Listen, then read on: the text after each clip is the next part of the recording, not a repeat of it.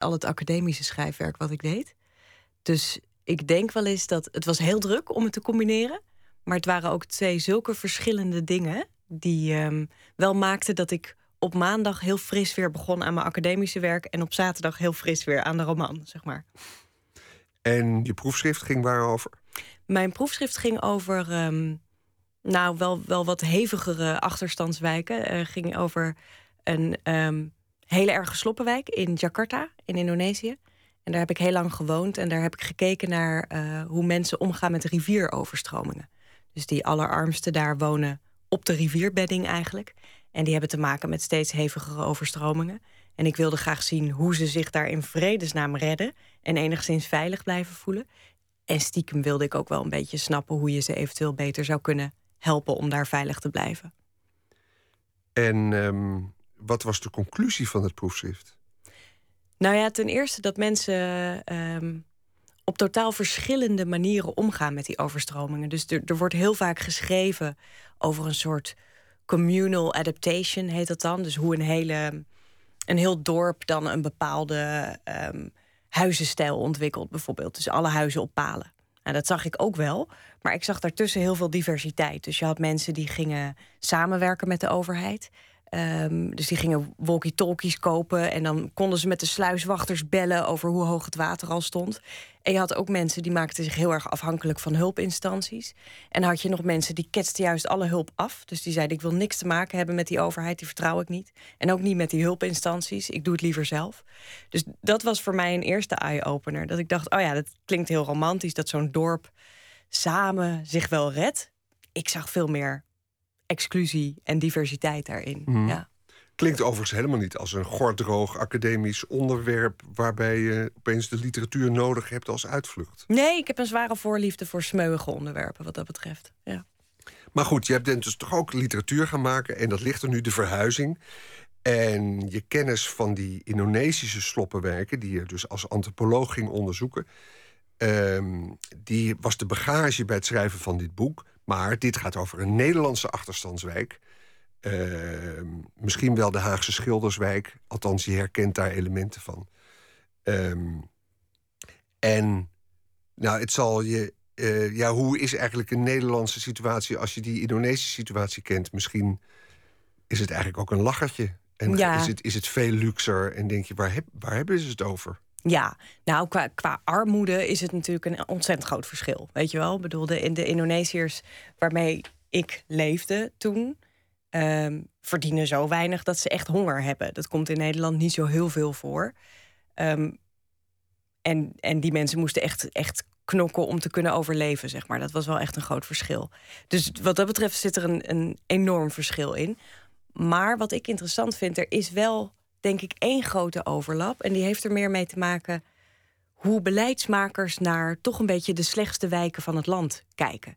En daar zit denk ik wel een overeenkomst in.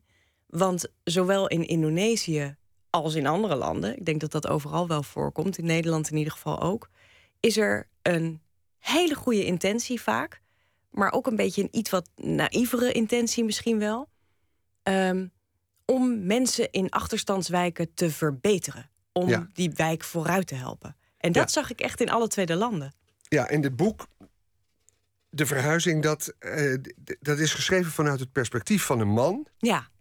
En die man die is veiligheidscoördinator en die uh, is gaan wonen in een torenflat in, ja. in, in zo'n achterstandswijk in Nederland. Ja. En het is een beetje een sukkel, die man. En je, het is heel grappig dat jij vanuit zijn perspectief dit verhaal vertelt. Uh, hij is onhandig, hij is onzeker, er gaat van alles mis. En dat terwijl zijn vriendin charmant is, zelfverzekerd, geweldige carrière doorloopt. En dat boek is vanuit het perspectief, nogmaals, vanuit die man geschreven.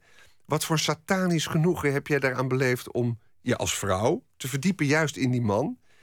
Ehm, om hem zo uh, ja, in dat brein van die man, van die sukkel te kruipen. Ja, het is heel erg, maar ik, ik heb heel lang, ik heb helemaal niet gedacht. Um, heel lang van laat, laat ik nou eens kiezen voor een man. Voor mij was het heel duidelijk dat dit een man moest zijn. En dat komt misschien wel omdat ik vanuit mijn eigen interviews en mensen die ik ook wel kende, die in gemeenteachtige instanties werken, dat waren, heel clichématig, allemaal mannen. Dus dat hoeft niet zoveel te zeggen over hoe dat gesteld is hoor in Nederland. Het kan zijn dat ik alleen maar mannen heb gesproken. Ehm, en wat ik, wat ik wilde, wat deze hoofdpersoon van mij moest hebben, was vooral eigenlijk wel een heel goed hart. Want het is geen slechte man. Hij wil geen kwaad doen. Dus hij heeft allemaal hele mooie plannen. En echt wel een soort idealistische ideeën over hoe die, die tokkies, want daar gaat hij een beetje tussen wonen. Betere mensen kan maken. En ook de wijk veiliger en, en leefbaarder. Alleen hij is niet reflectief genoeg om te zien dat dat totaal zijn projectie is en zijn wensen.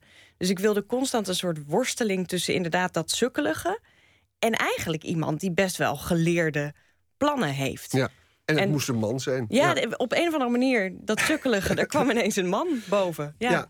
En je zegt net, wat die, die, uh, die welzijnswerkers, want dat zijn het, gemeen hebben, zowel in Indonesië als in Nederland, is dat paternalistische, het, het, het, moralistische. Ze willen de mensen verbeteren. Ja.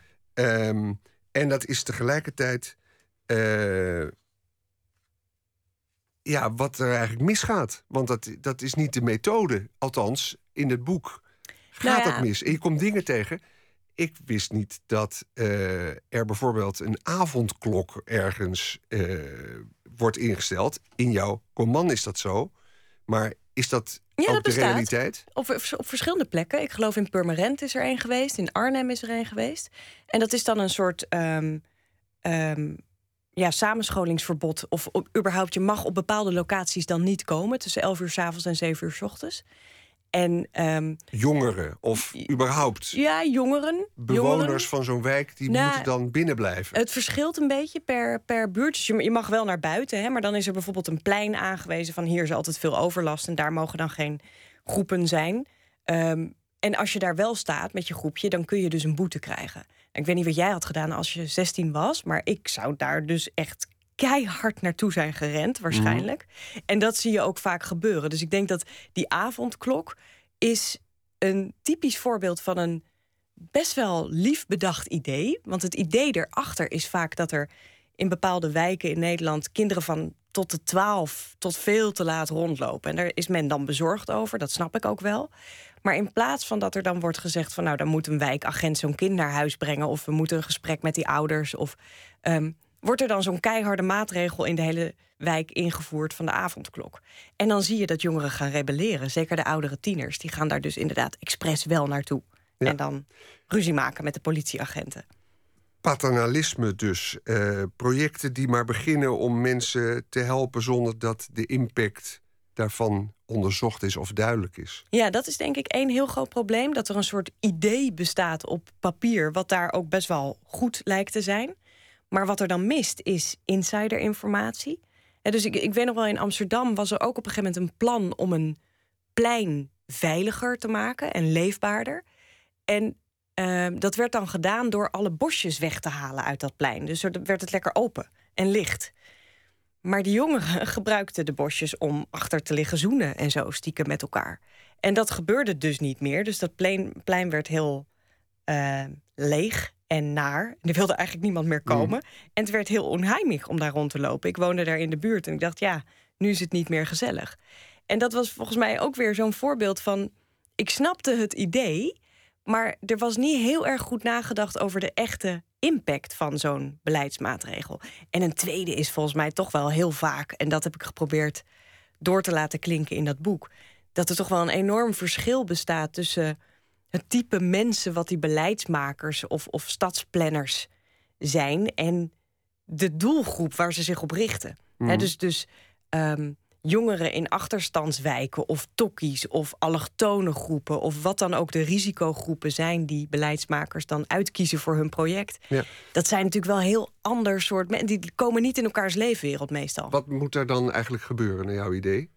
Nou, het is nog steeds een veel voorkomende klacht dat er niet zoveel naar, naar de mensen wordt geluisterd waar het over gaat. Dus ik denk dat je ontkomt er gewoon Als je iets wil laten werken, gewoon pragmatisch gezien, als je een beleidsmaatregel wil laten werken, dan denk ik dat het niet zo heel veel zin heeft om dat puur voor mensen te gaan bepalen. Je moet weten, denk ik, wat hun wensen zijn.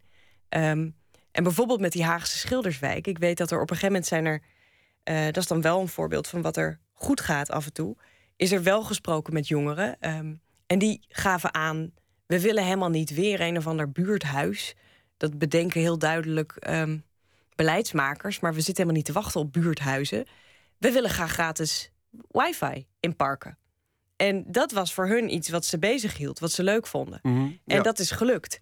Weet je, dus ik denk dat dat één ding is: dat je de mensen moet betrekken in je beleidsplan waar, waarvoor je het beleidsplan schrijft. Jij doseert eh, antropologie Ja. aan de Universiteit van Amsterdam. Ja. Leiden jullie dat soort mensen op? Je zou zeggen van, ja, misschien wel. Een antropoloog in opleiding... die kan beleidsmedewerker worden. Of...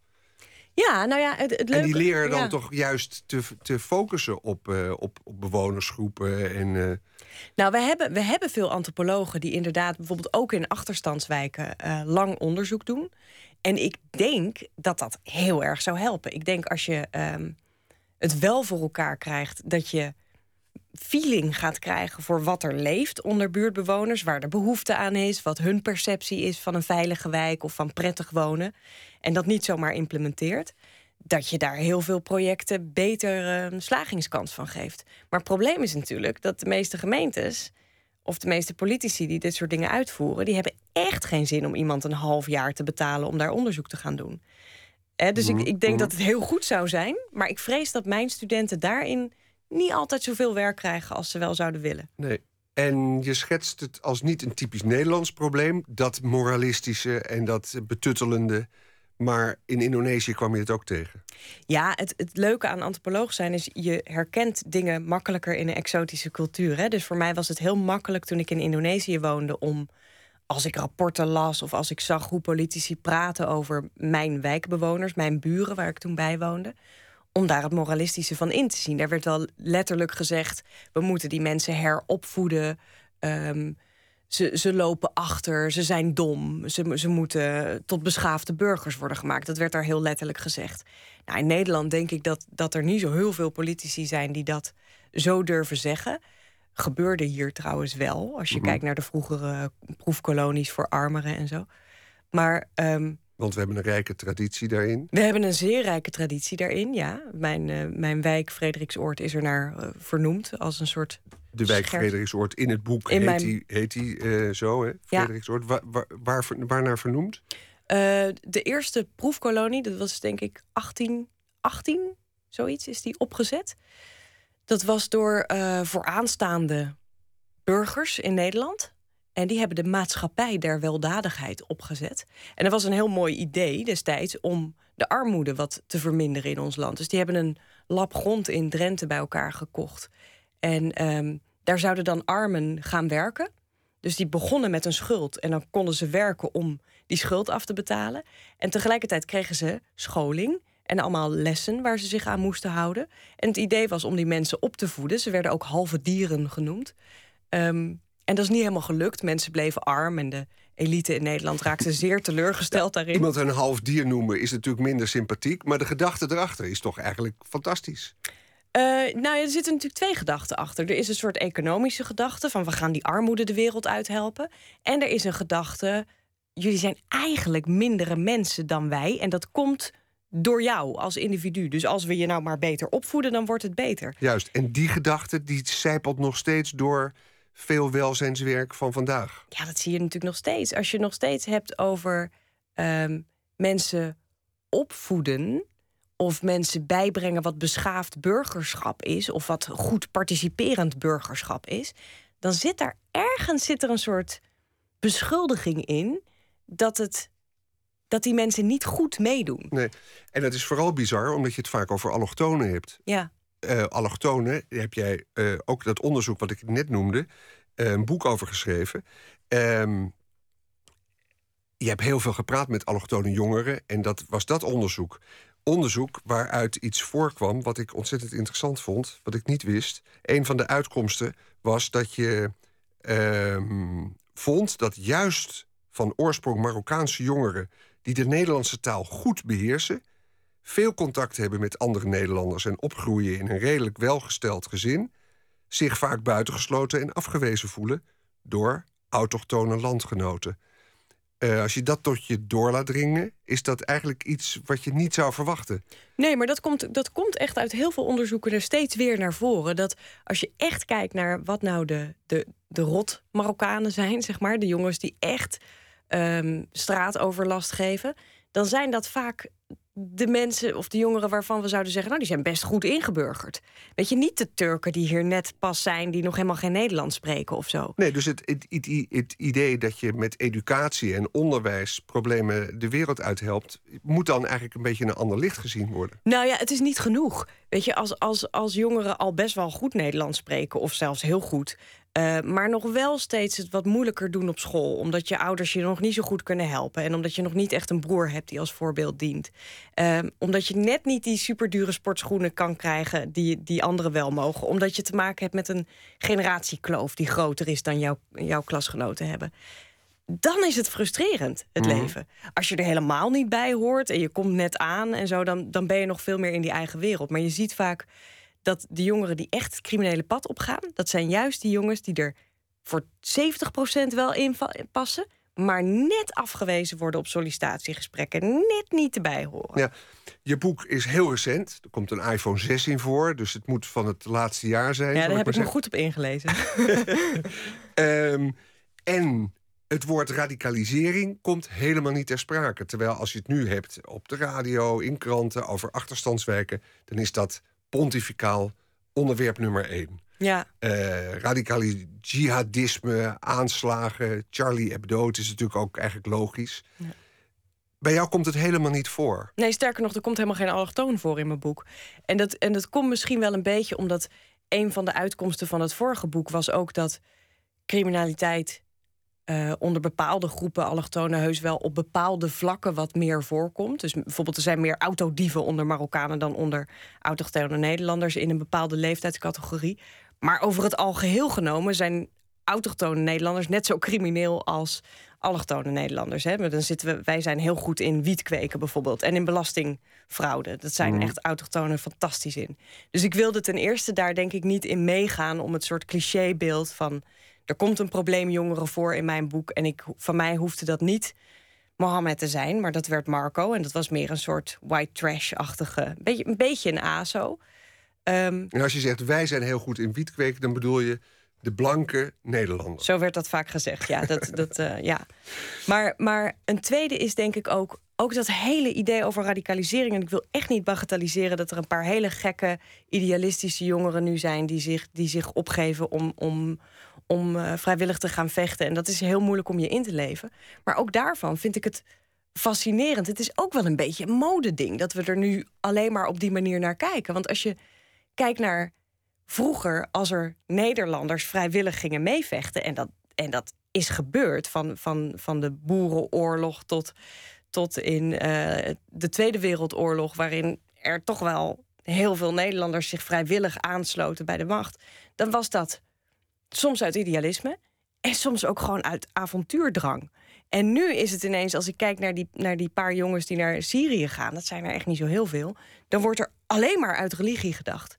Weet je, dus ik denk wel eens dat dat soort verhalen over radicalisering en over willen vechten ook wel iets zeggen over waar wij bang voor zijn. Niet zozeer gewoon jonge jongens die iets spannends willen gaan doen. Je kan zeggen van misschien dat het dan niet alleen maar uit religie gedacht is, maar om nu die parallel te trekken met andere groepen. Ik bedoel, dat mensen zichzelf opblazen en dus als zelfmoordterrorist zich ontwikkelen, dat is toch andere koek dan iemand die. Uh... Zeker, maar weet je, in de gemiddelde achterstandswijk in Nederland gebeurt dat nou ook weer niet zo heel veel. En ik wilde juist een normale achterstandswijk portretteren, waar redelijk bizarre regels op worden gelegd, alcohol verboden en zo'n avondklok. Nou, dat gebeurt. En daar wonen juist helemaal niet zoveel terroristen. Want die hebben we namelijk helemaal niet zo heel veel terroristen in Nederland. Gelukkig. Ehm, zeg, dat, dat onderzoek dat je gedaan hebt in Indonesië, dat proefschrift dat je gemaakt hebt, voordat je antropologie ging studeren, was je journalist. Je hebt nog bij Nova gewerkt. Uh, daar heb je een opleiding voor gehad. Je begeeft je nu op het, op, op het, op het vlak van de literatuur. Um, wat, wat is jouw achtergrond? Uh, heb je ook een Indische achtergrond bijvoorbeeld? Nee. Helemaal nee, niet? Nee, nee, nee, nee, nee. En welke kant gaat dit nu, nu, nu uit? Heb je toch gedacht van ja, eh, mijn, mijn favoriete schrijver is Multatuli, dus ik wil, uh, ik wil uh, de Belletrie gaan. Of, of, of, of, of denk je zo helemaal niet? Nee, nee. Ik, ik geloof dat mijn, mijn problemen of geluk is dat ik gewoon heel veel dingen interessant vind. Dus ik, ik probeer het nog steeds allemaal te combineren. En uh, dat wordt steeds maakt lastiger. Gebaar alsof je ballen in de lucht ja, moet houden. zo voelt het ook een beetje. een beetje roman, een beetje proefschrift. Mhm. Um, dus dat, dat probeer ik nog te combineren. En op zich lukt het wel vaak, omdat het gewoon hele verschillende dingen zijn. Maar heel veel van mijn werk komt voort uit een ongelofelijke fascinatie voor dingen. En of dat nou gaat over Indonesië of over um, beleid in, in Nederlandse achterstandswijken, dat is voor mij allemaal een beetje hetzelfde. Want en het combineer je dat met het gezinsleven of een, een, huwelijk of een partner? Of is dat een, uh, ga je als een soort kuifje de wereld rond? Nee, ik heb wel partner, maar ik heb geen uh, kinderen meestal als ik onderzoek uh, doe in ver weg landen. Dus het dat gaat scheelt. ook over de liefde, dit boek. Ja, het gaat zeker over de liefde. Want die, die sukkel van een beleids, van een welzijnswerker die toch heel aardig is. Ja. Die is ook workaholic. En, uh, hij vergeet zijn vrouw. Hij vergeet zijn vrouw. Ja, ja.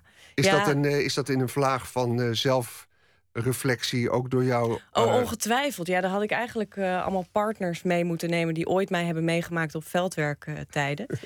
um, nou ja, goed, kijk, voor mij gaat het verhaal inderdaad over, over de liefde. Het is ook vooral een psychologische roman natuurlijk. En dat hele thematische van de achterstandswijk... dat vind ik er mooi doorheen. Maar um, uiteindelijk gaat het over een man die zijn geluk uit, tussen zijn vingers door voelt glippen. En die dat niet meer kan stopzetten. Ja, en het is opgedragen voor mijn moeder. Het is opgedragen aan mijn moeder, ja. En wie is je moeder?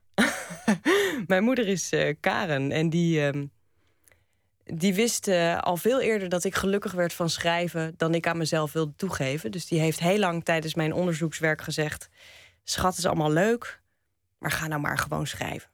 Gewoon schrijven? Ja. Schreef zij zelf? Schrijft zij zelf? Nee, ze is kunstenaar. Ze is kunstenaar. Dus. Um, Wat maakt ze? Ze maakt uh, tegenwoordig last ze. Uh, ze maakt beeldend werk. Staal en ijzer. Vroeger schilderde ze nog toen ik uh, jong ben. Dus ik heb veel in haar atelier toegekeken hoe zij bezig was. En um, misschien heb ik daar wel een beetje een voorliefde voor. van die werkdagen die ik heb nu als ik bezig ben aan mijn roman. Of als ik bezig ben aan mijn creatieve schrijf, schrijfwerk. Waarop ik gewoon een beetje rond kan lopen in mijn huis en uh, kan nadenken. En dan is wat vol opkomen. En dat is dan je, je huis in Amsterdam? Dat is mijn huis in Amsterdam. Want je zit ook regelmatig in Indonesië, ja. ook weer voor onderzoek. Ja, ja.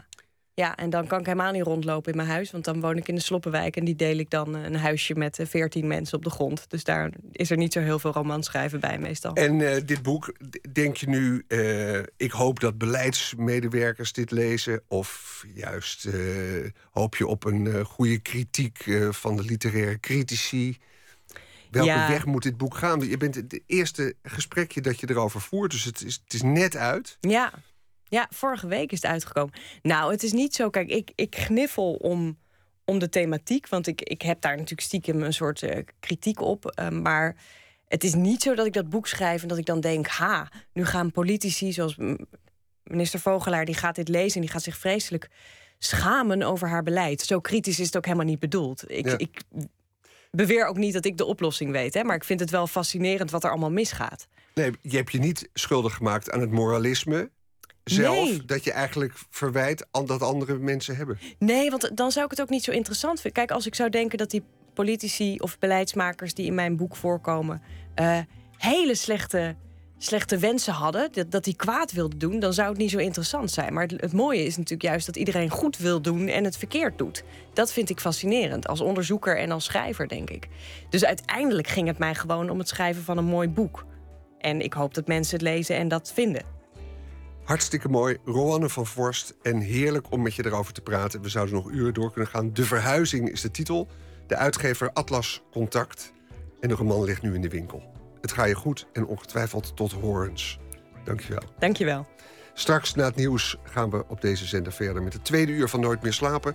Dan horen we onder andere Katja de Bruin die ons bijpraat op het gebied van vertaalde literatuur. Dat en meer straks na het nieuws van 1 uur. Tot dadelijk.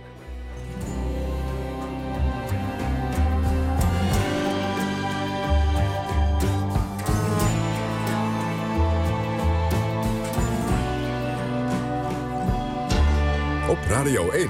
Het nieuws van alle kanten.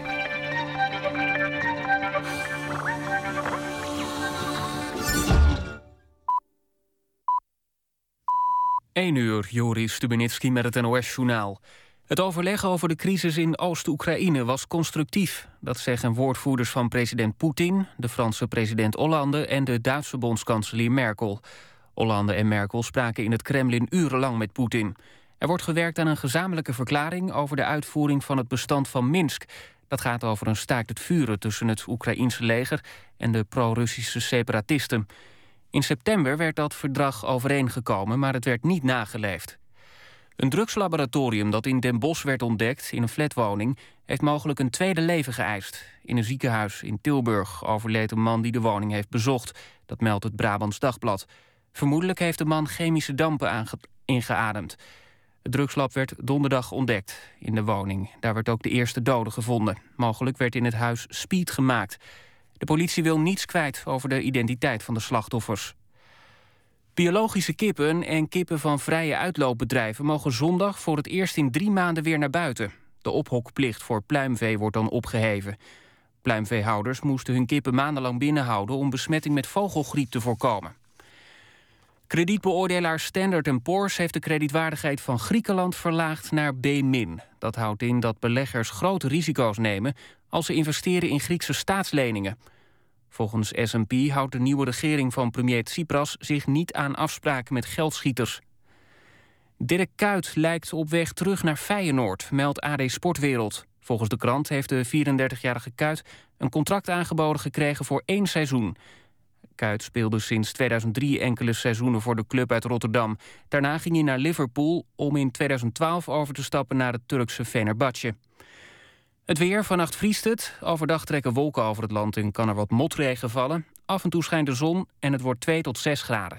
Dit was het NOS Journaal. NPO Radio 1.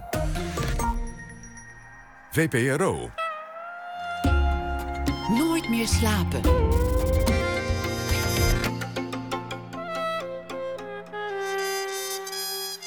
Met Anton de Goede.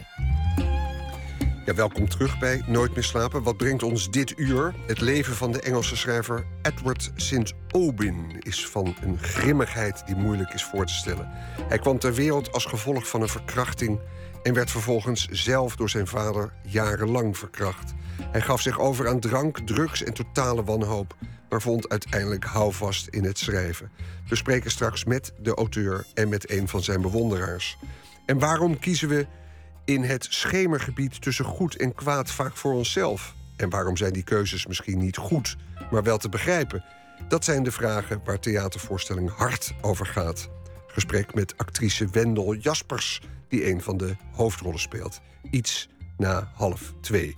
Maar we beginnen dit uur, zoals de hele week al, met Jan van Mersbergen, schrijver die we gevraagd hebben te reageren op iets wat er in de wereld is gebeurd vandaag. Nog even uh, ter introductie zeven romans tot nu toe gepubliceerd. Waarvan Zo begint het, De laatste ontsnapping en Naar de overkant van de nacht de meest recente zijn. Die laatste titel trouwens, een carnavalsroman, wordt verfilmd. En datzelfde gebeurt met een oude boek. Morgen zijn we in Pamplona. Goedenacht Jan. Ja, het carnaval komt er weer aan. Dat betekent dat de, de rubrieken, en die weten je ongetwijfeld weer te vinden binnenkort. Ja, ik ben een uh, deskundige geworden op dat gebied. En ik probeer me daar al iets uh, buiten te houden. Maar toch uh, ben ik er natuurlijk zelf wel al vanaf september mee bezig. En deze week is na het zijn hoogtepunt het weekendtal. En daar gaat een stukje van vandaag ook over. Ik ben inmiddels in Venlo. En Venlo is vastelandsland, zoals we hier zeggen. Dus uh, ja, het gaat wel weer uh, gebeuren allemaal in een weekje. Echt waar, want ik uh, begin daar nu zo over zonder dat ik ja. verwacht dat je over dat carnaval gaat beginnen. Maar dat ga je dus ook doen. Ja, dat is heel prettig dat je erover begon. Ik was vorige week al in Venlo, want toen werd bekend op zaterdag wie de prins werd.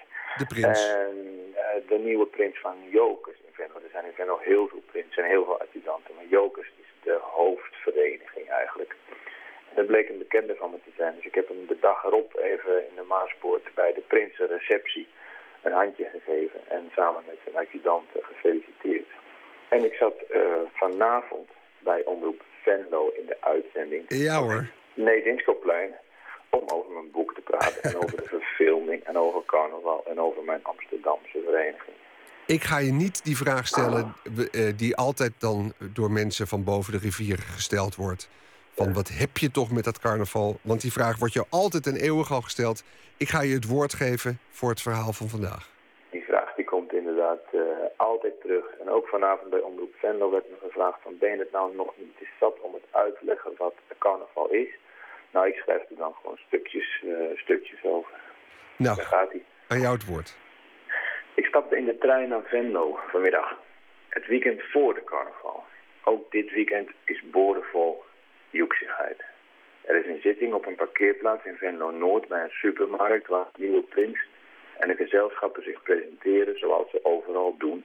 en waar een raaf op een staaf gedoopt wordt om vervolgens elf dagen nat gehouden te worden... en waar de nieuwe liedjes gezongen worden en ook de oude liedjes.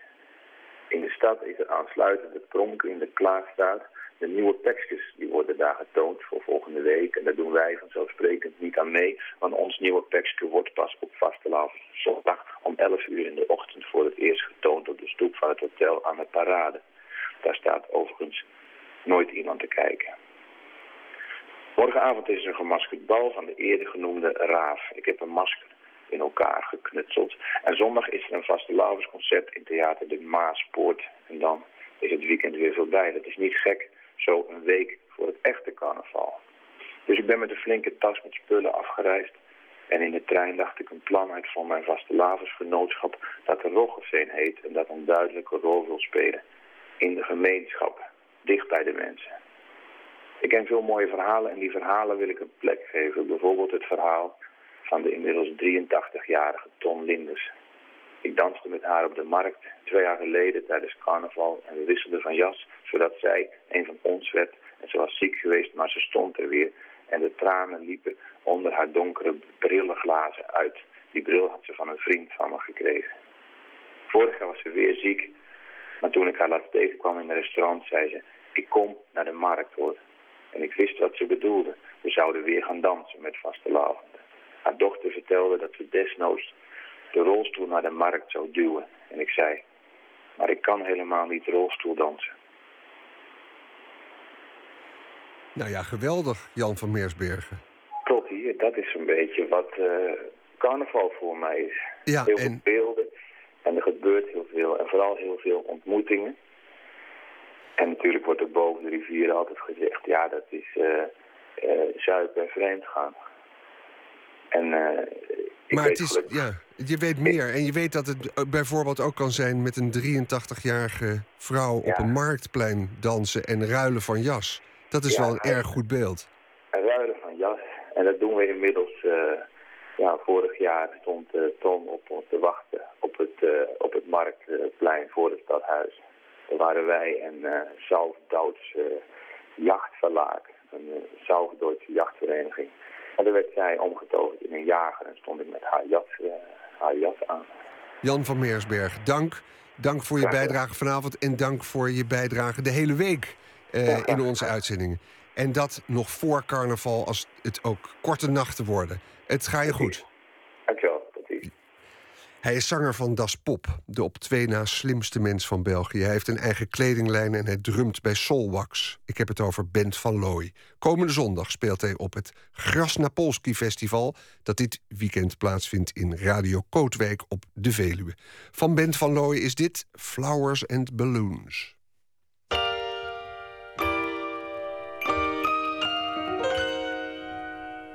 Ever since I've been on short supply for glow sticks, I've been waiting for my fever to be cured. They've left me in the dark, left me cursing all the stars, for I know you're bathing in their cold, cold light. I forgot my nose along with my sombrero. I've been put in charge of flowers and balloons. Though my hands are shaking badly, have I picked the shortest straw? Home. the sun is shining where you are. What you want from me? Did you set me free? Keep on walking, please. There's nothing in the sea.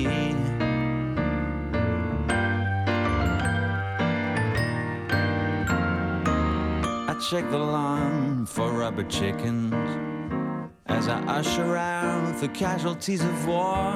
And do I like the way she dresses? Do I want to see the rest? Oh, I hope that you can't see me where you are. I am only waiting for the world to happen. Like the stripper they found dead inside a cake. Ah, this summer is a killer. And the sinner gets a room when all he wants is to forget just where you are. What you want from me? Did you set me free? Keep on walking, please. There's nothing in the sea. You've been hiding forever. What can I do? I've been waiting for someone talking to strangers. I don't think I should. I've been waiting for someone. I'm aching for someone. I'm waiting for someone like you. I've been looking for someone. I'm aching for someone. I'm waiting for someone like you. Could you paint my face? I wanna be a tiger. Tiger when in need can be so fierce. All my fur is made of rust. And my whiskers soaked in blood. Oh, I hope I'll be a tiger when you're here. Oh, oh, oh. What you want from me? Did you set me free? Keep on walking, please. There's nothing in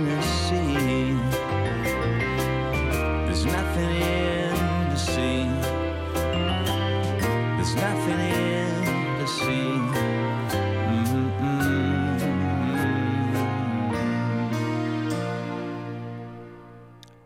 Flowers and Balloons, terug te vinden op Ben van Looy's soloalbum Round the Band. Nooit meer slapen. Het leven van de Engelse schrijver Edward St. Albin leest als een nachtmerrie. St. Albins vader kwam uit een voornaam Brits militair geslacht. Zijn moeder was een steenrijke Amerikaanse erfgename. Het leven werd verdeeld tussen de villa's in Engeland en Frankrijk. Zijn vader verkrachtte zijn moeder met Edward als resultaat. Vanaf zijn vijfde werd ook de zoon het slachtoffer van zijn vader. Zijn moeder liet het al die tijd begaan. De rest van zijn leven vocht Sint Albin met zijn herinneringen tot op de dag van vandaag. En hij zocht zijn heil in heroïne. Uiteindelijk vond hij redding in het schrijven. Dat resulteerde in de boeken over Edwards alter ego Patrick Melrose. Maarten Westerveen sprak met Edward Sint Albin en een van zijn bewonderaars, journalist Sander Pleij. And you're going to edit it. I'm going with to a edit view it. to making it interesting rather than say if I've said something stupid, you'll take it up.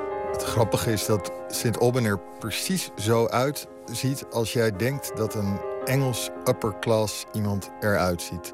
Dus het soort mensen dat hij beschrijft en dat hij ook kritisch eh, onder de loep neemt. Hij ziet er precies zo uit. Dus eh, je begrijpt wel, keurig tweetjasje, keurig kapsel. Alles spik en span netjes, nergens overdreven, nergens te grof. Alles helemaal netjes. Hij, ehm, het was bijna intimiderend eigenlijk voor me. Ik vond het eigenlijk, het was bijna een soort wapen. Zoveel goede manieren.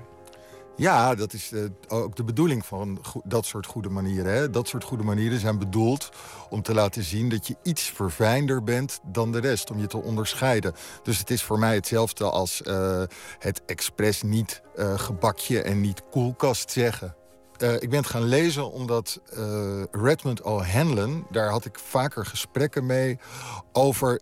Ik vertelde altijd dat ik een moeite had met upper class mensen uit Engeland. Dat ik nooit eh, helemaal. Het werd mij niet duidelijk of ze nou hele goede intieme vrienden waren. of toch net niet.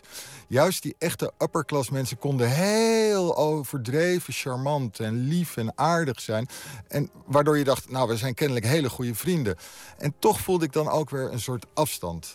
Daarop zei Redmond O'Hanlon, jij moet Teddy gaan lezen. Want hij noemde hem dus Teddy in plaats van Edward. En uh, dan zul je zien dat die upper class echt naar is. En dat dat allemaal nare maniertjes zijn en dat je nooit op ze kan vertrouwen. Daarom ben ik hem gaan lezen. Waarom ben je hem blijven lezen eigenlijk? Ik werd direct getroffen door een groot verschil met andere boeken die ik had gelezen. waarin de Engelse upper class ook onder de loep werd genomen. Dat waren. Dan neem bijvoorbeeld Brightside Revisited. Brightside Revisited wordt beschreven door iemand die er niet bij hoort. en betoverd raakt van de pracht en hoe mooi alles is. Um, in dit geval is alles naar. Niks is mooi. Het is helemaal niet leuk en het is niet mooi. Het is gewoon, het is naar. Ze doen nare dingen, ze zijn zelf lelijk, niks lukt. Het is echt tuig van de richel. Tegelijkertijd is het uh, vernedering. En het is laten zien dat je niet tot de, uh, het normale volk behoort. Want als je normale volks doet, zou je zoiets nooit doen. Je moet juist een beetje ja, excentriek zijn. En dat excentrieke dat gaat er zo ver in dat als jij een, een, bij de upper class hoort, dan gelden alle burgerlijke normen en waarden gelden niet meer voor jou. Dus dan mag je alles doen. Dan mag je zelfs, zoals de vader doet, je eigen zoontje pakken. Dat vergrijp is de meest bepalende gebeurtenis in de boeken en in het leven van St. Alban zelf. De scène wordt in het boek echter minder direct beschreven dan misschien verwacht wordt. Het mooie van die scène is, en daar laat hij natuurlijk... dat is een van de proeven van zijn schrijverschap. Hè? Dat is de, het moment, dus ongeveer het aller, allerergste... wat je zelf gebeurd is, omzetten in literatuur. Dat is natuurlijk, dan moet je, dan, dan moet je op je toppen eh, zijn. En het knappe ervan is dat hij en er staat nooit een, een, een te dramatisch iets in. Er staat nooit een te clichématig woord in. Er staat nooit een overdrijving in. Nee, hij kiest juist een beetje voor, de, voor het downplayen, voor het rustig aanvertellen. En het, het fantastische is dat hij op een gegeven moment kiest hij in, die, in de scène waar het gebeurt, kijkt het jongetje naar de gordijnroede in de hoek. En daar ziet hij dat. En dat, daar blijft hij alleen maar op letten en op kijken. En jij ook. Jij zou een, een gruwelijke scène waarin een vader een jongetje pakt. Dat, dat, ja, dat is meer iets voor een ordinaire film op televisie. Maar omdat je helemaal meegaat in de beschrijving van die gordijnroede... Ja, opeens dan zit je erin, dan heb je het. En dan begrijp je hoe dat voor dat jongetje heeft gevoeld. Want voor dat jongetje heeft het niet gevoeld als het meest verschrikkelijke... wat je ziet in een televisieserie. Nee, voor dat jongetje heeft het gevoeld als een totaal verwarrend gek gevoel. Als iets helemaal... Die was totaal in de war. En hij weet je dan ook eventjes in de war te brengen... door het niet op de meest normale, clichématige manier te vertellen. Ja, ik geloof dat dat ongeveer ook uh, is wat literatuur moet zijn. Aan het eind van zijn laatste boek, uiteindelijk, verkrijgt Patrick ten lange leste enig inzicht. Hij laat de verslavende zucht naar troost los. Hij laat de verwijten en verlangens gaan en voelt zich voor het eerst enigszins bevrijd van zijn verleden. Voor. Alban is het een ingrijpend hoofdstuk. Hij wist pas wat Patrick zou inzien op het moment dat hij het zelf begreep. Zo vielen de schrijver en zijn alter ego uiteindelijk samen. The last chapter of At Last was interesting to write because uh, I had no idea how to end. I did, and I wrote it actually with tears running down my cheeks, um, with gratitude um, that this extraordinary thing was happening. You know, that there was this convergence between the ego and the alter ego in time between the act of writing and the and the revelation of what it is I had to say.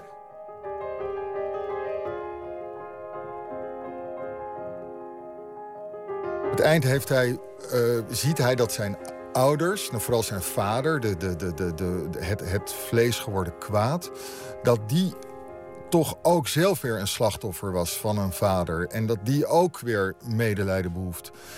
Ja, ja dat, dat, dat is misschien wel een beetje, beetje waar. Dat zal ook wel waar zijn. Die man is ook slachtoffer. Maar het tragische ervan is dat met zijn begrip voor de vader wordt hij voor mij ook een heel klein beetje de vader. En dat kan ik je uitleggen. Hij, um, er is een andere journalist die hem heeft geïnterviewd en die aankwam. En toen hij bij hem aankwam, toen eh, sprak hij zijn zoontje. Hij vroeg aan zijn zoontje: Wat moet ik aan jouw vader vragen? En toen zei dat zoontje: Just be smart. My father always likes people that are smart. En dat is het. Hij is zelf, is die ook heel erg, ja, wij noemen dat dan, in het Nederlands noemen wij dat clever. Um, hij is zo snel en grappig en heeft zelf ook dat uiterlijk van die upper class. En hij heeft later, heeft hij ook zijn laatste boek, dat een, gewoon een normaal fictieboek is, daarin zeikt hij op superieure wijze, zeikt hij allemaal mensen af. Op een manier zoals iemand uit de Engelse upperclass zou doen. Dus ik heb daar over dat einde gemengde gevoelens. Ik bedoel, ik vond het briljant, knap, geweldig. Maar er zit niet alleen voor mij een soort catharsis aan. Misschien voor die schrijver. Maar ik vond ook dat het opeens... Dat, dat hij ook een beetje deel werd van, van het kwaad. Is dat het moment dan dat de schrijver de lezer als het ware loslaat... en weer de deuren dichttrekt? Ja, misschien kan je dat wel zo zeggen. Want, ja, zo kan je daar wel over nadenken, ja. Grappig. Ik, nou ja, ik had het nog niet zo gezien, maar het is een... Uh, uh, hij, uh, nou ja, hij, hij, nou, wat hij, hij accepteert natuurlijk dat, hij, dat wat hij ook gaat doen... dat hij nooit loskomt natuurlijk. En het enige wat hij kan doen is gewoon accepteren dat het dus zo is. De, ik begrijp je bezwaar. En ik zou zelf zeggen dat dat dat begrip voor die vader, dat is al eigenlijk in het eerste boek. Hè? Want in het eerste boek zet die man neer als een man die eigenlijk een leven leidt onder de schaduw van zijn vader, die hij nooit iets goedkeurt. Um, dus dat begrip was er volgens mij al. Maar het accepteren dat het zo is, de acceptatie dat om troost vragen nutteloos is en hopeloos is in zijn geval. Ik weet niet wat hij anders had kunnen doen. Ik heb ook geen idee wat hij anders had kunnen doen. Absoluut niet, nee. nee. Wat is eh, St. Albans grootste kracht? Het, het, het is niet, niet, misschien niet een fijn antwoord... maar misschien is zijn grootste kracht wel zijn levenservaring. ja, het is niet echt een leuk antwoord voor, uh, voor Sint Olmen. Maar ja, ik bedoel, hij kan eh, geweldig schrijven. Um, maar ik moet zeggen dat het boek dat hij schreef... dat niet over zijn levenservaring ging. Maar ja, wel, er zat er wel wat. Uh, zijn, zijn allerlaatste boek dat gaat over een, een, een, uh, een literaire jury. En ja, dat is heel geinig en grappig. Maar ja, dat is niet te vergelijken in niveau met, uh, met deze boeken. Ik hoop dat je je een beetje schuldig voelt over dit antwoord. Ik voel me er zeer schuldig over. En het is hoe dan ook een briljant schrijver. Het succes van St. Auburn berust volgens de auteur zelf op het universele karakter. Iedereen worstelt met zijn plek in de wereld. Essentially, the Melrose books are about freedom. They're about how someone's identity is formed, you know, by their family dynamics, by class dynamics, by cultural dynamics, how, how they are formed, and whether there's any possibility of negotiation, of flexibility, of freedom, of choice, of leading a volitional life. And I don't know anyone who hasn't been preoccupied with that question. Why am I as I am? You know, do I have any choice in the matter?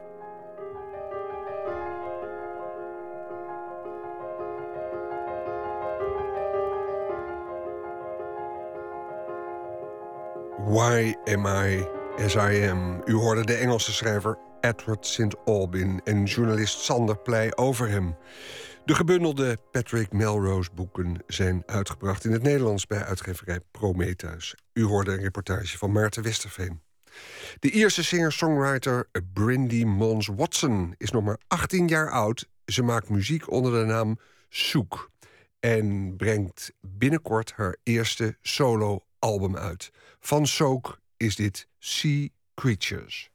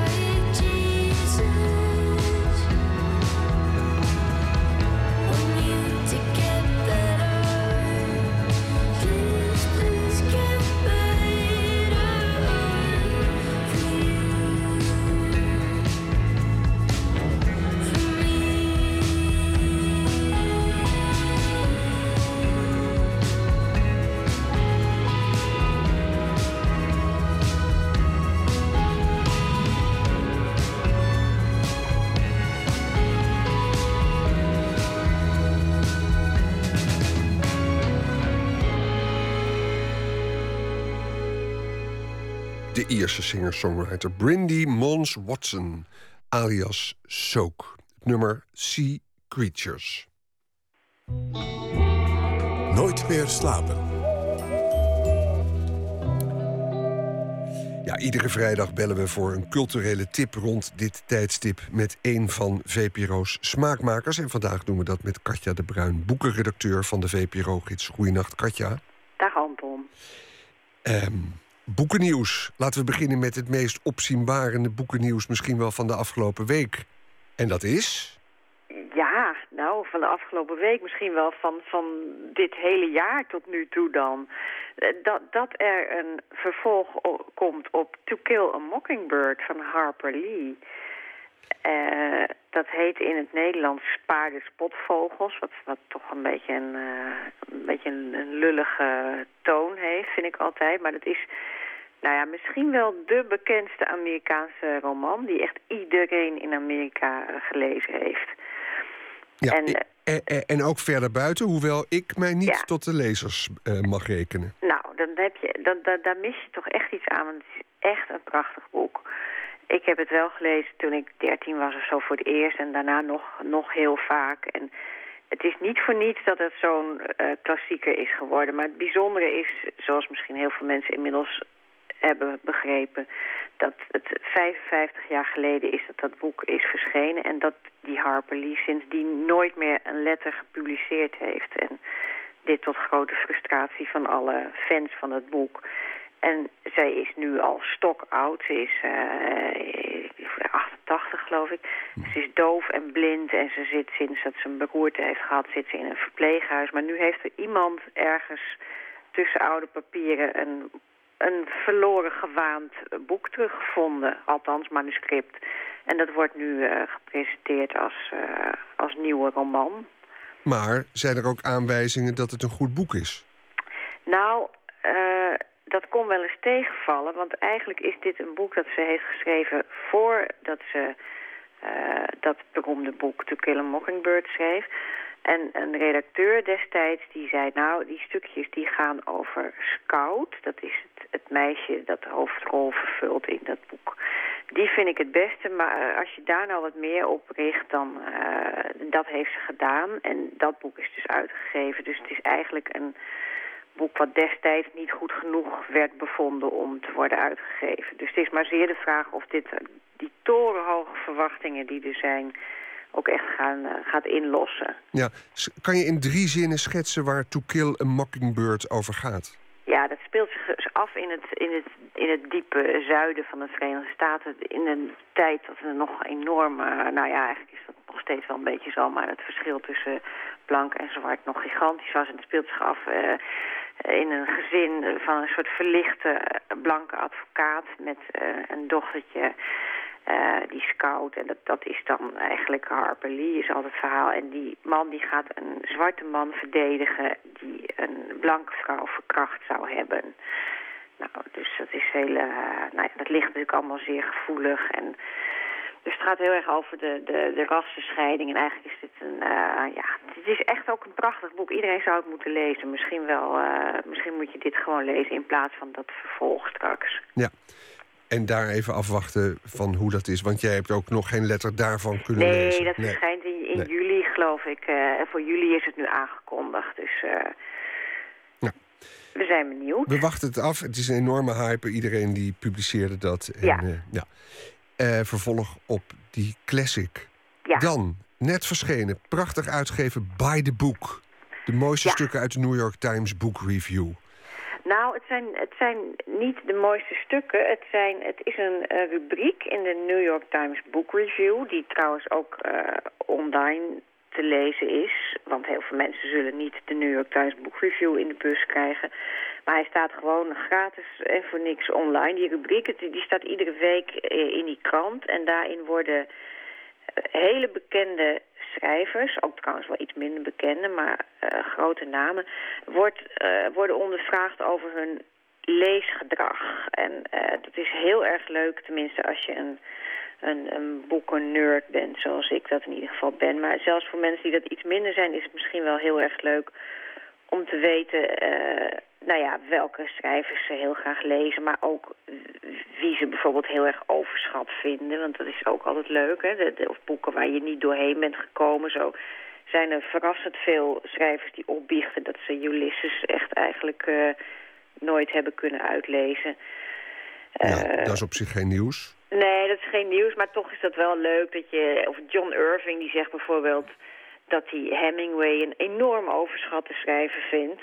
Mm. Nou, dat, zijn, dat, dat, dat, is, uh, dat is heel leuk. Er worden dus allerlei vragen gesteld uh, als... Um, nou ja, welk, boek, welk boek heb je nooit kunnen uitlezen? Welk, uh, welke boeken liggen er op je nachtkastje? Wat waren je favoriete boeken als kind? zijn er boeken waar je om hebt moeten huilen? Uh, nou ja, en door, door dat soort vragen krijg je natuurlijk ook een beetje een beeld van... ja, hoe, hoe iemand, hè, hoe, hoe een literaire carrière zich heeft ontwikkeld. Uh, maar ook allerlei gekke verrassingen, zoals Hilary Mantel... die vertelt dat ze een enorme plank vol met boeken over cricket heeft... omdat ze dat een fascinerende sport vindt. Nou, dat, dat vond ik dan heel opmerkelijk, want dat had ik totaal niet verwacht bij haar...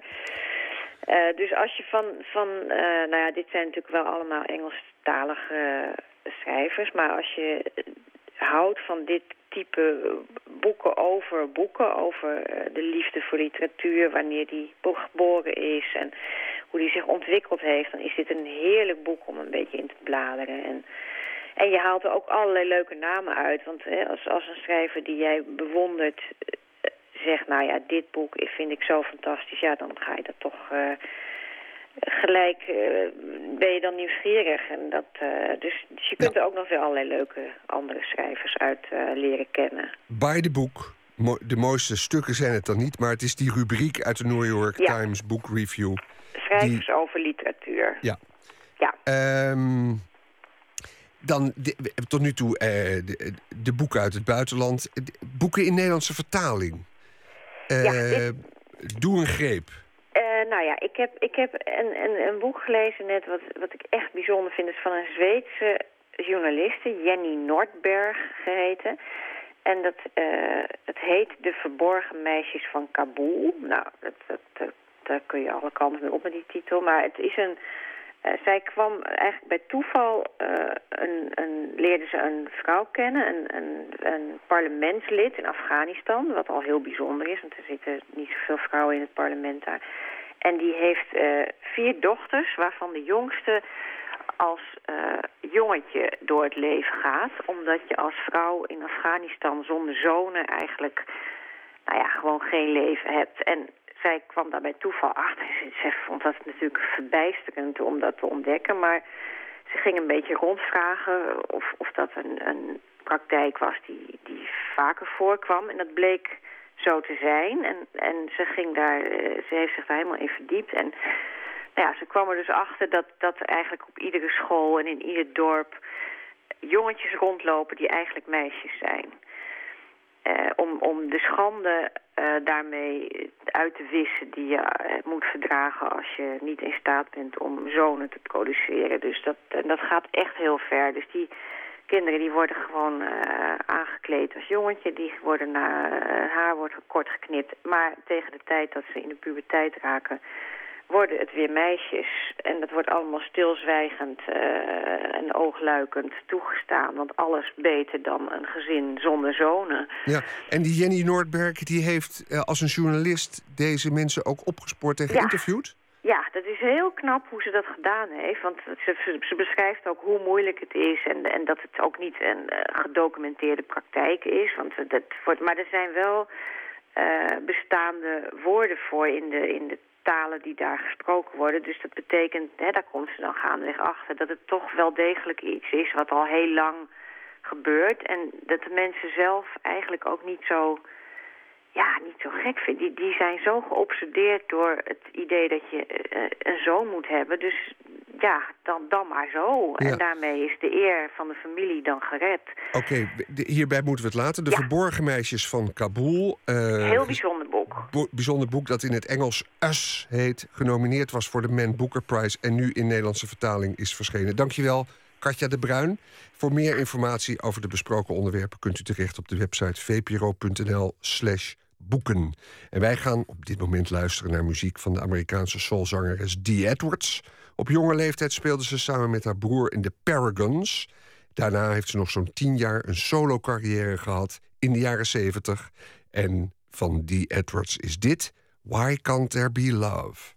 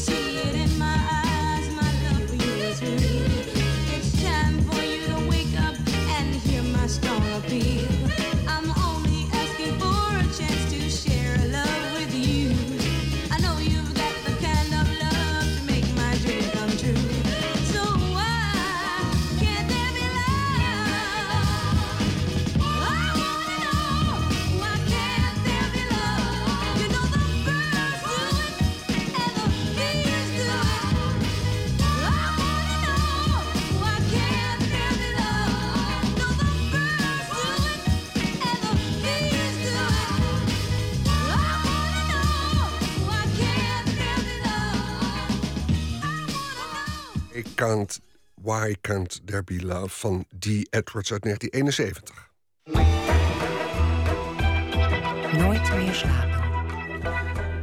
Wendel Jaspers is een actrice die zich nooit aan een gezelschap heeft gebonden. Ze werd genomineerd voor grote toneelprijzen, maar bleef haar eigen koers varen. Nu speelt ze in een theaterstuk dat ze twaalf jaar geleden ook al eens speelde. Samen met actrice Fokka Delen en regisseur Madeleine Matser. Verslaggever Botte Jellema ontmoette Wendel in de Verkadefabriek in Den Bosch... waar ze repeteert aan het stuk Hart. Ik liep zo net, zojuist hier, hier naar binnen. Toen gaf ineens een dame mij de hand en die zei... ik ben Madeleine. Ja. En daar is het allemaal een beetje mee begonnen, met Madeleine Masser.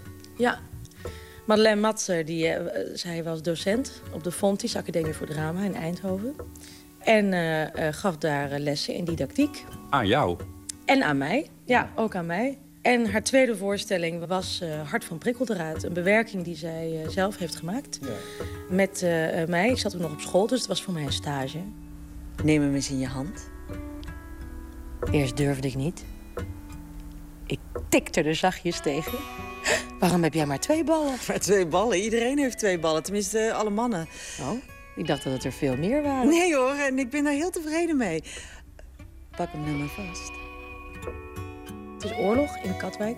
Vroeger, toen ze jong was, hebben haar ouders haar uh, bij haar grootouders gezet. Omdat haar vader in het Roergebied een baan kreeg. Dus die vertrok en liet haar achter. Dit vertellen wij ook in het begin. Omdat het een van de momenten is waarbij je...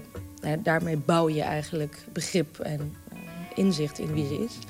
Die ouders komen terug en um, ze ontmoet een, een jongen terwijl ze zelf aan het puberen is, uh, 14 is.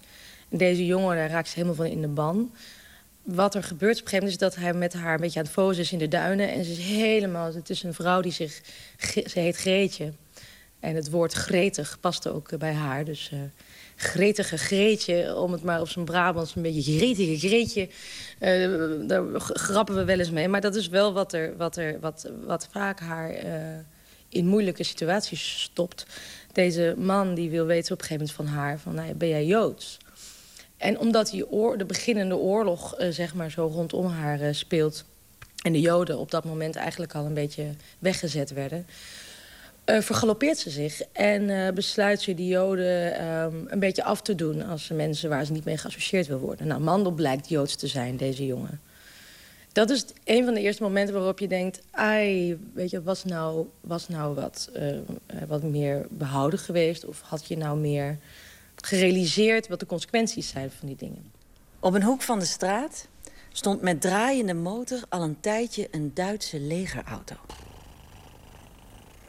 Achterin zat een man in burger. Hij had het raampje omlaag gedraaid en wenkte mij. Vervolgens in de oorlog ontmoet ze een, een Duitser in een auto die, die naar haar zit te kijken. Deze man biedt haar aandacht en liefde. En natuurlijk uh, moet ze daar ook dan mee uit. Maar dat neemt ze wel op de koop toe. Ze ziet daar het kwaad nog niet zo van in. Dus zij verandert eigenlijk in een paar weken tijd... een paar maanden tijd... verandert zij in een moffenhoer. Maar ik begreep direct wat hij bedoelde. Een nettes Mädchen wie du braucht doch niet in die Reihe zu stehen. Op een walgelijke manier monsterde hij me van top tot teen. Wat zit er in haar karakter waarvan je zou zeggen... daar komt dat dan door? nou ja, gretigheid, wat ik al zei. Ze wil het zo graag goed doen.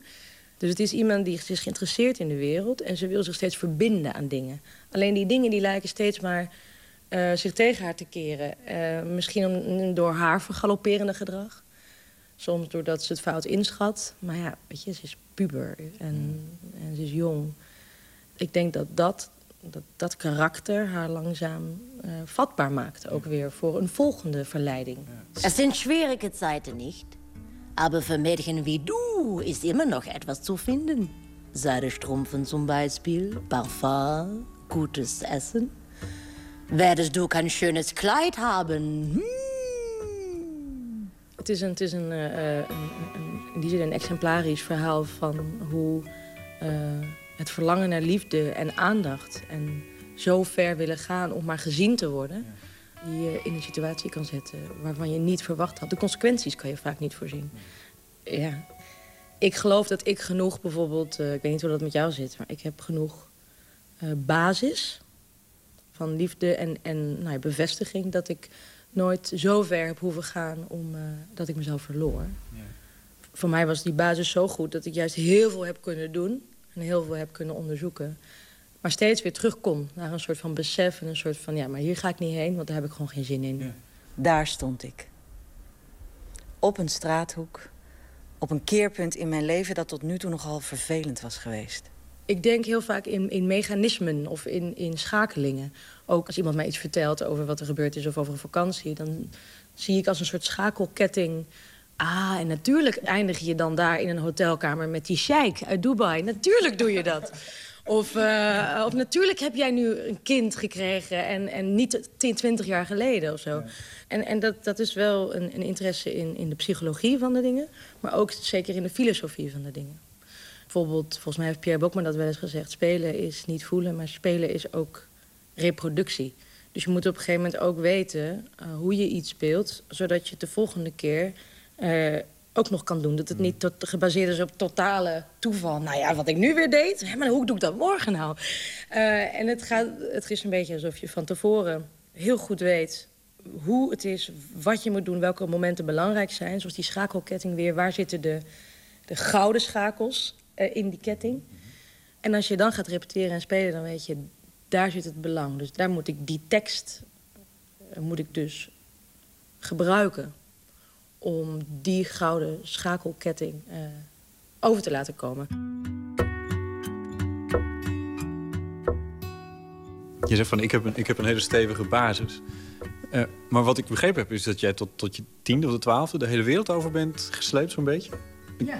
Dat zijn twee dingen die niet per se tegenover elkaar staan, begrijp ik. Nee, Nee, het, het, het voordeel van, eh, ten opzichte van Geetje is dat mijn ouders uh, zich, zichzelf met mij meesleepten uh, over die aardbol.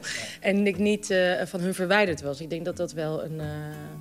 het was... Jouw vader was landbouwkundig ingenieur en ja. heeft over de hele wereld gewerkt. Ja, en in Afrika ben ik geboren. En daarna kwam Indonesië en Haiti, toen weer Indonesië. En steeds zo twee, drie jaar. Met een paar maanden Nederland ertussen en dan kreeg mijn vader weer een nieuwe uitzending voor de VN. En ik herinner me het eigenlijk als soort 10, 11 jaar groot avontuur. Um, maar natuurlijk zijn er wel... Uh, op latere leeftijd denk je van... goh, hoe, hoe komt het eigenlijk dat ik, uh, dat ik me zo goed kan bevinden in dat theaterwereld... waarbij alles per project een korte spanningsboog kent. En waarom ben ik, als ik even geen project heb, waarom zit ik dan, ben ik dan op reis? Je hebt diverse nominaties gehad voor belangrijke theaterprijzen. En toch heb je nooit gekozen om bijvoorbeeld bij, niet dat het een het ander uitsluit of juist bevestigt, maar je hebt er nooit voor gekozen om bij een vast gezelschap te gaan spelen, bijvoorbeeld. Nee. Nee, uh, daar zit misschien ook wel een link. Uh, dat ik graag uh, een bepaalde mate van, van vrijheid voel. En dat ik, zolang het kan, die luxe is er gelukkig, dat ik me aan mensen kan verbinden en dat ik gewoon per jaar kan bekijken uh, met wie en waarom. Ik kan me eigenlijk niet een gelukkig leven als acteur voorstellen op het moment dat je bij een gezelschap zou zitten en dat je per jaar te horen zou krijgen dat die rol ga je spelen en met die regisseur ga je werken. Nou, er zijn er theatergezelschappen in Nederland die fantastische stukken maken en heel veel mooie regisseurs hebben. Daar, daar ben ik ook wel jaloers op dat, dat dat zou kunnen. Maar voor mij, voor mij persoonlijk, gaat het toch wel over dat de creativiteit steeds wordt aangeboord. En ook mijn eigen creativiteit, dat ik zelf ook mezelf bevraag. Waarom doe je dit nu? Mm -hmm. Dus het moet voor mij ook iets, iets actueels hebben. En uh, uh, ook de samenwerking. Waarom dan met die? Waarom nu weer met, met Madeleine? Ja. Nou, dat zijn wel dingen die, die, die bij mij heel intuïtief zijn. En als, dat, en als dat niet mag, of als dat niet kan... omdat het vast is en dat het besloten is daar zit bij mij wel een, uh, een demping van mijn creativiteit en mijn plezier.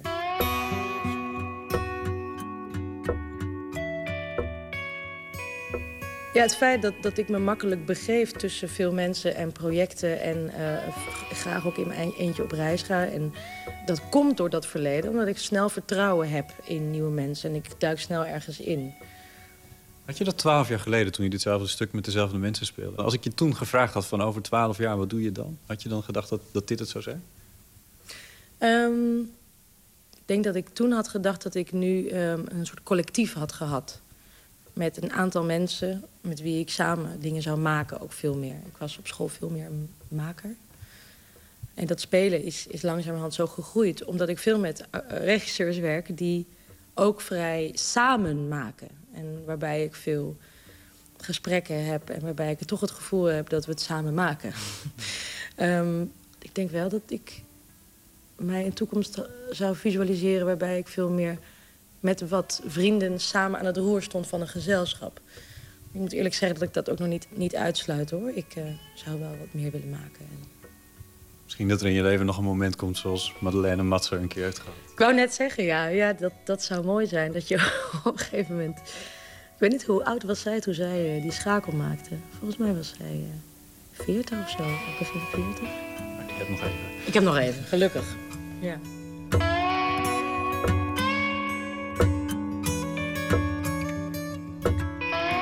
U hoorde Wendel Jaspers, actrice in het stuk Hart... dat ze samen met Fokka Delen en regisseur Madeleine Matser op de bühne brengt. Morgen is de première in de Verkadefabriek in Den Bosch. Daarna is het stuk tot eind maart te zien in theaters door het hele land. De Engelse zanger Richard Hawley met For Your Lover Give Me Some Time. It was your birthday yesterday I gave a gift that almost took your breath away But to be honest, I nearly left it on the train. For your lover, give some time. You talk forever on the phone to your mother, and with my thoughts, I'm left alone. Now and then I think how strange our love has grown. for your lover, gives some time. I will give up these cigarettes, stay at home and watch you mend the tears in your dress. Have your name in a rose tattooed across my chest, and be your lover for all time. Maybe I will drink a little less, come home early and not complain about the death, and give you flowers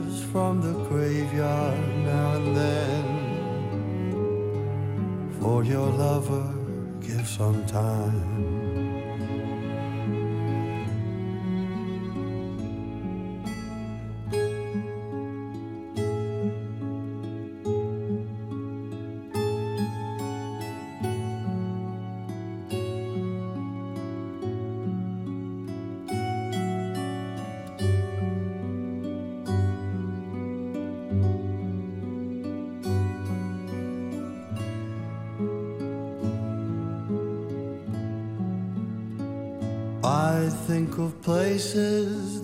Seen. A skipping stone across the ocean I have been. A rootless man with no one else to share my dreams. And for my lover gave no time.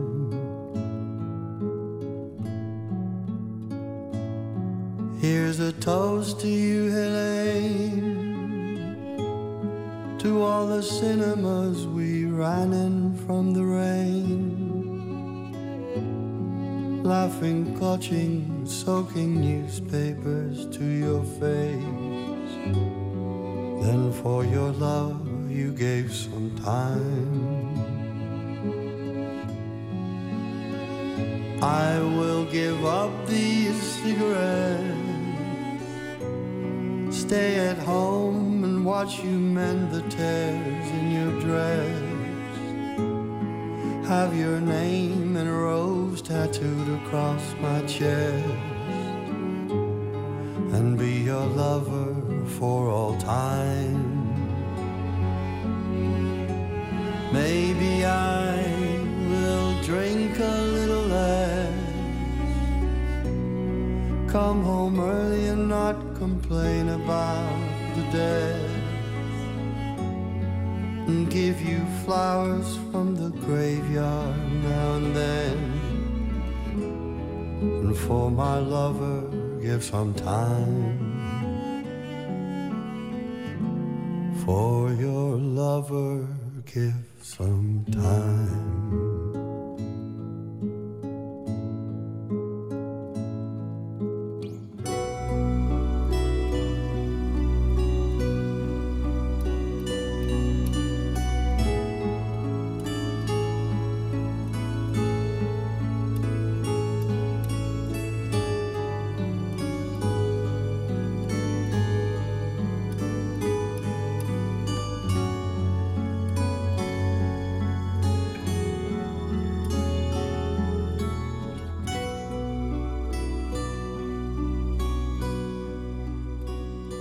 For Your Lover, Give Me Some Time... afkomstig van het zesde studioalbum van Richard Hawley.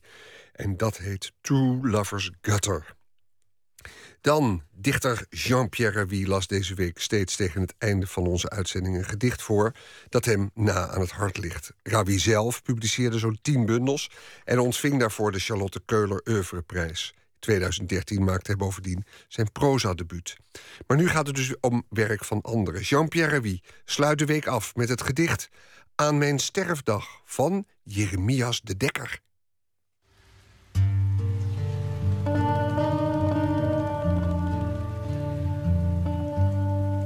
Dit is een gedicht van Jeremias de Dekker, een 17e-eeuwse dichter. Hij leefde van 1609 tot 1666. En toen ik het voor het eerst las, dacht ik, dat wil ik vertalen... maar realiseerde me naderhand dat het al in het Nederlands geschreven was. Aan mijn sterfdag. Dag die me eens van zon versteken zult en dag. Dag die me binnen het graf, dag die me eeuwig buiten de ruime wereld zult, die schone tempel sluiten. Die tempel, daar ik God in toe te zingen plag, verwondering en prijs, zo dik ik hem bezag. Dag die me in de loop zult van mijn dagen stuiten, en naweerproeven doen der dier verboden fruiten. Dag, zeg ik, die ik vrien, maar niet ontvlieden mag. Hoe spoedt gij herwaarts aan, doch als op wollen voeten? Gij zult, gij zult misschien mij in dit jaar ontmoeten, misschien in deze maand, in deze week misschien. En kleef ik dwaze nog zo vast aan mijn gebreken, en leef ik nog zo los, alsof ik nog veel weken, nog vele maanden zou, nog vele jaren zien. En dat was Jean-Pierre Ravi met het gedicht Aan mijn sterfdag van de 17e-eeuwse dichter Jeremias de Dekker. Dat hij dus niet hoefde te vertalen, omdat het al in het Nederlands geschreven werd. Ja, vrijdag geweest. Dit was Nooit meer slapen voor vandaag. Volgende week stelt Menno Wichman voor ons een kleine bloemlezing samen. En maandag zijn we er dan weer. Dan komt Janne Schra langs, de zangeres die eerder deel uitmaakte van de band Room 11. Ze heeft een nieuw soloalbum Ponzo uit. En dat kan gezien worden als een ode aan positivisme. Doorgaan, niet zeuren en blij zijn met wat je hebt, hoe moeilijk dat soms ook is. Dat maandag. En eh, wij gaan hier naar het nieuws luisteren op NPO Radio 1. En daarna volgt Frank Jochems met het programma Woord... met als thema list en bedrog. Wie weet tot dan, of anders later. Op Radio 1, het nieuws van alle kanten.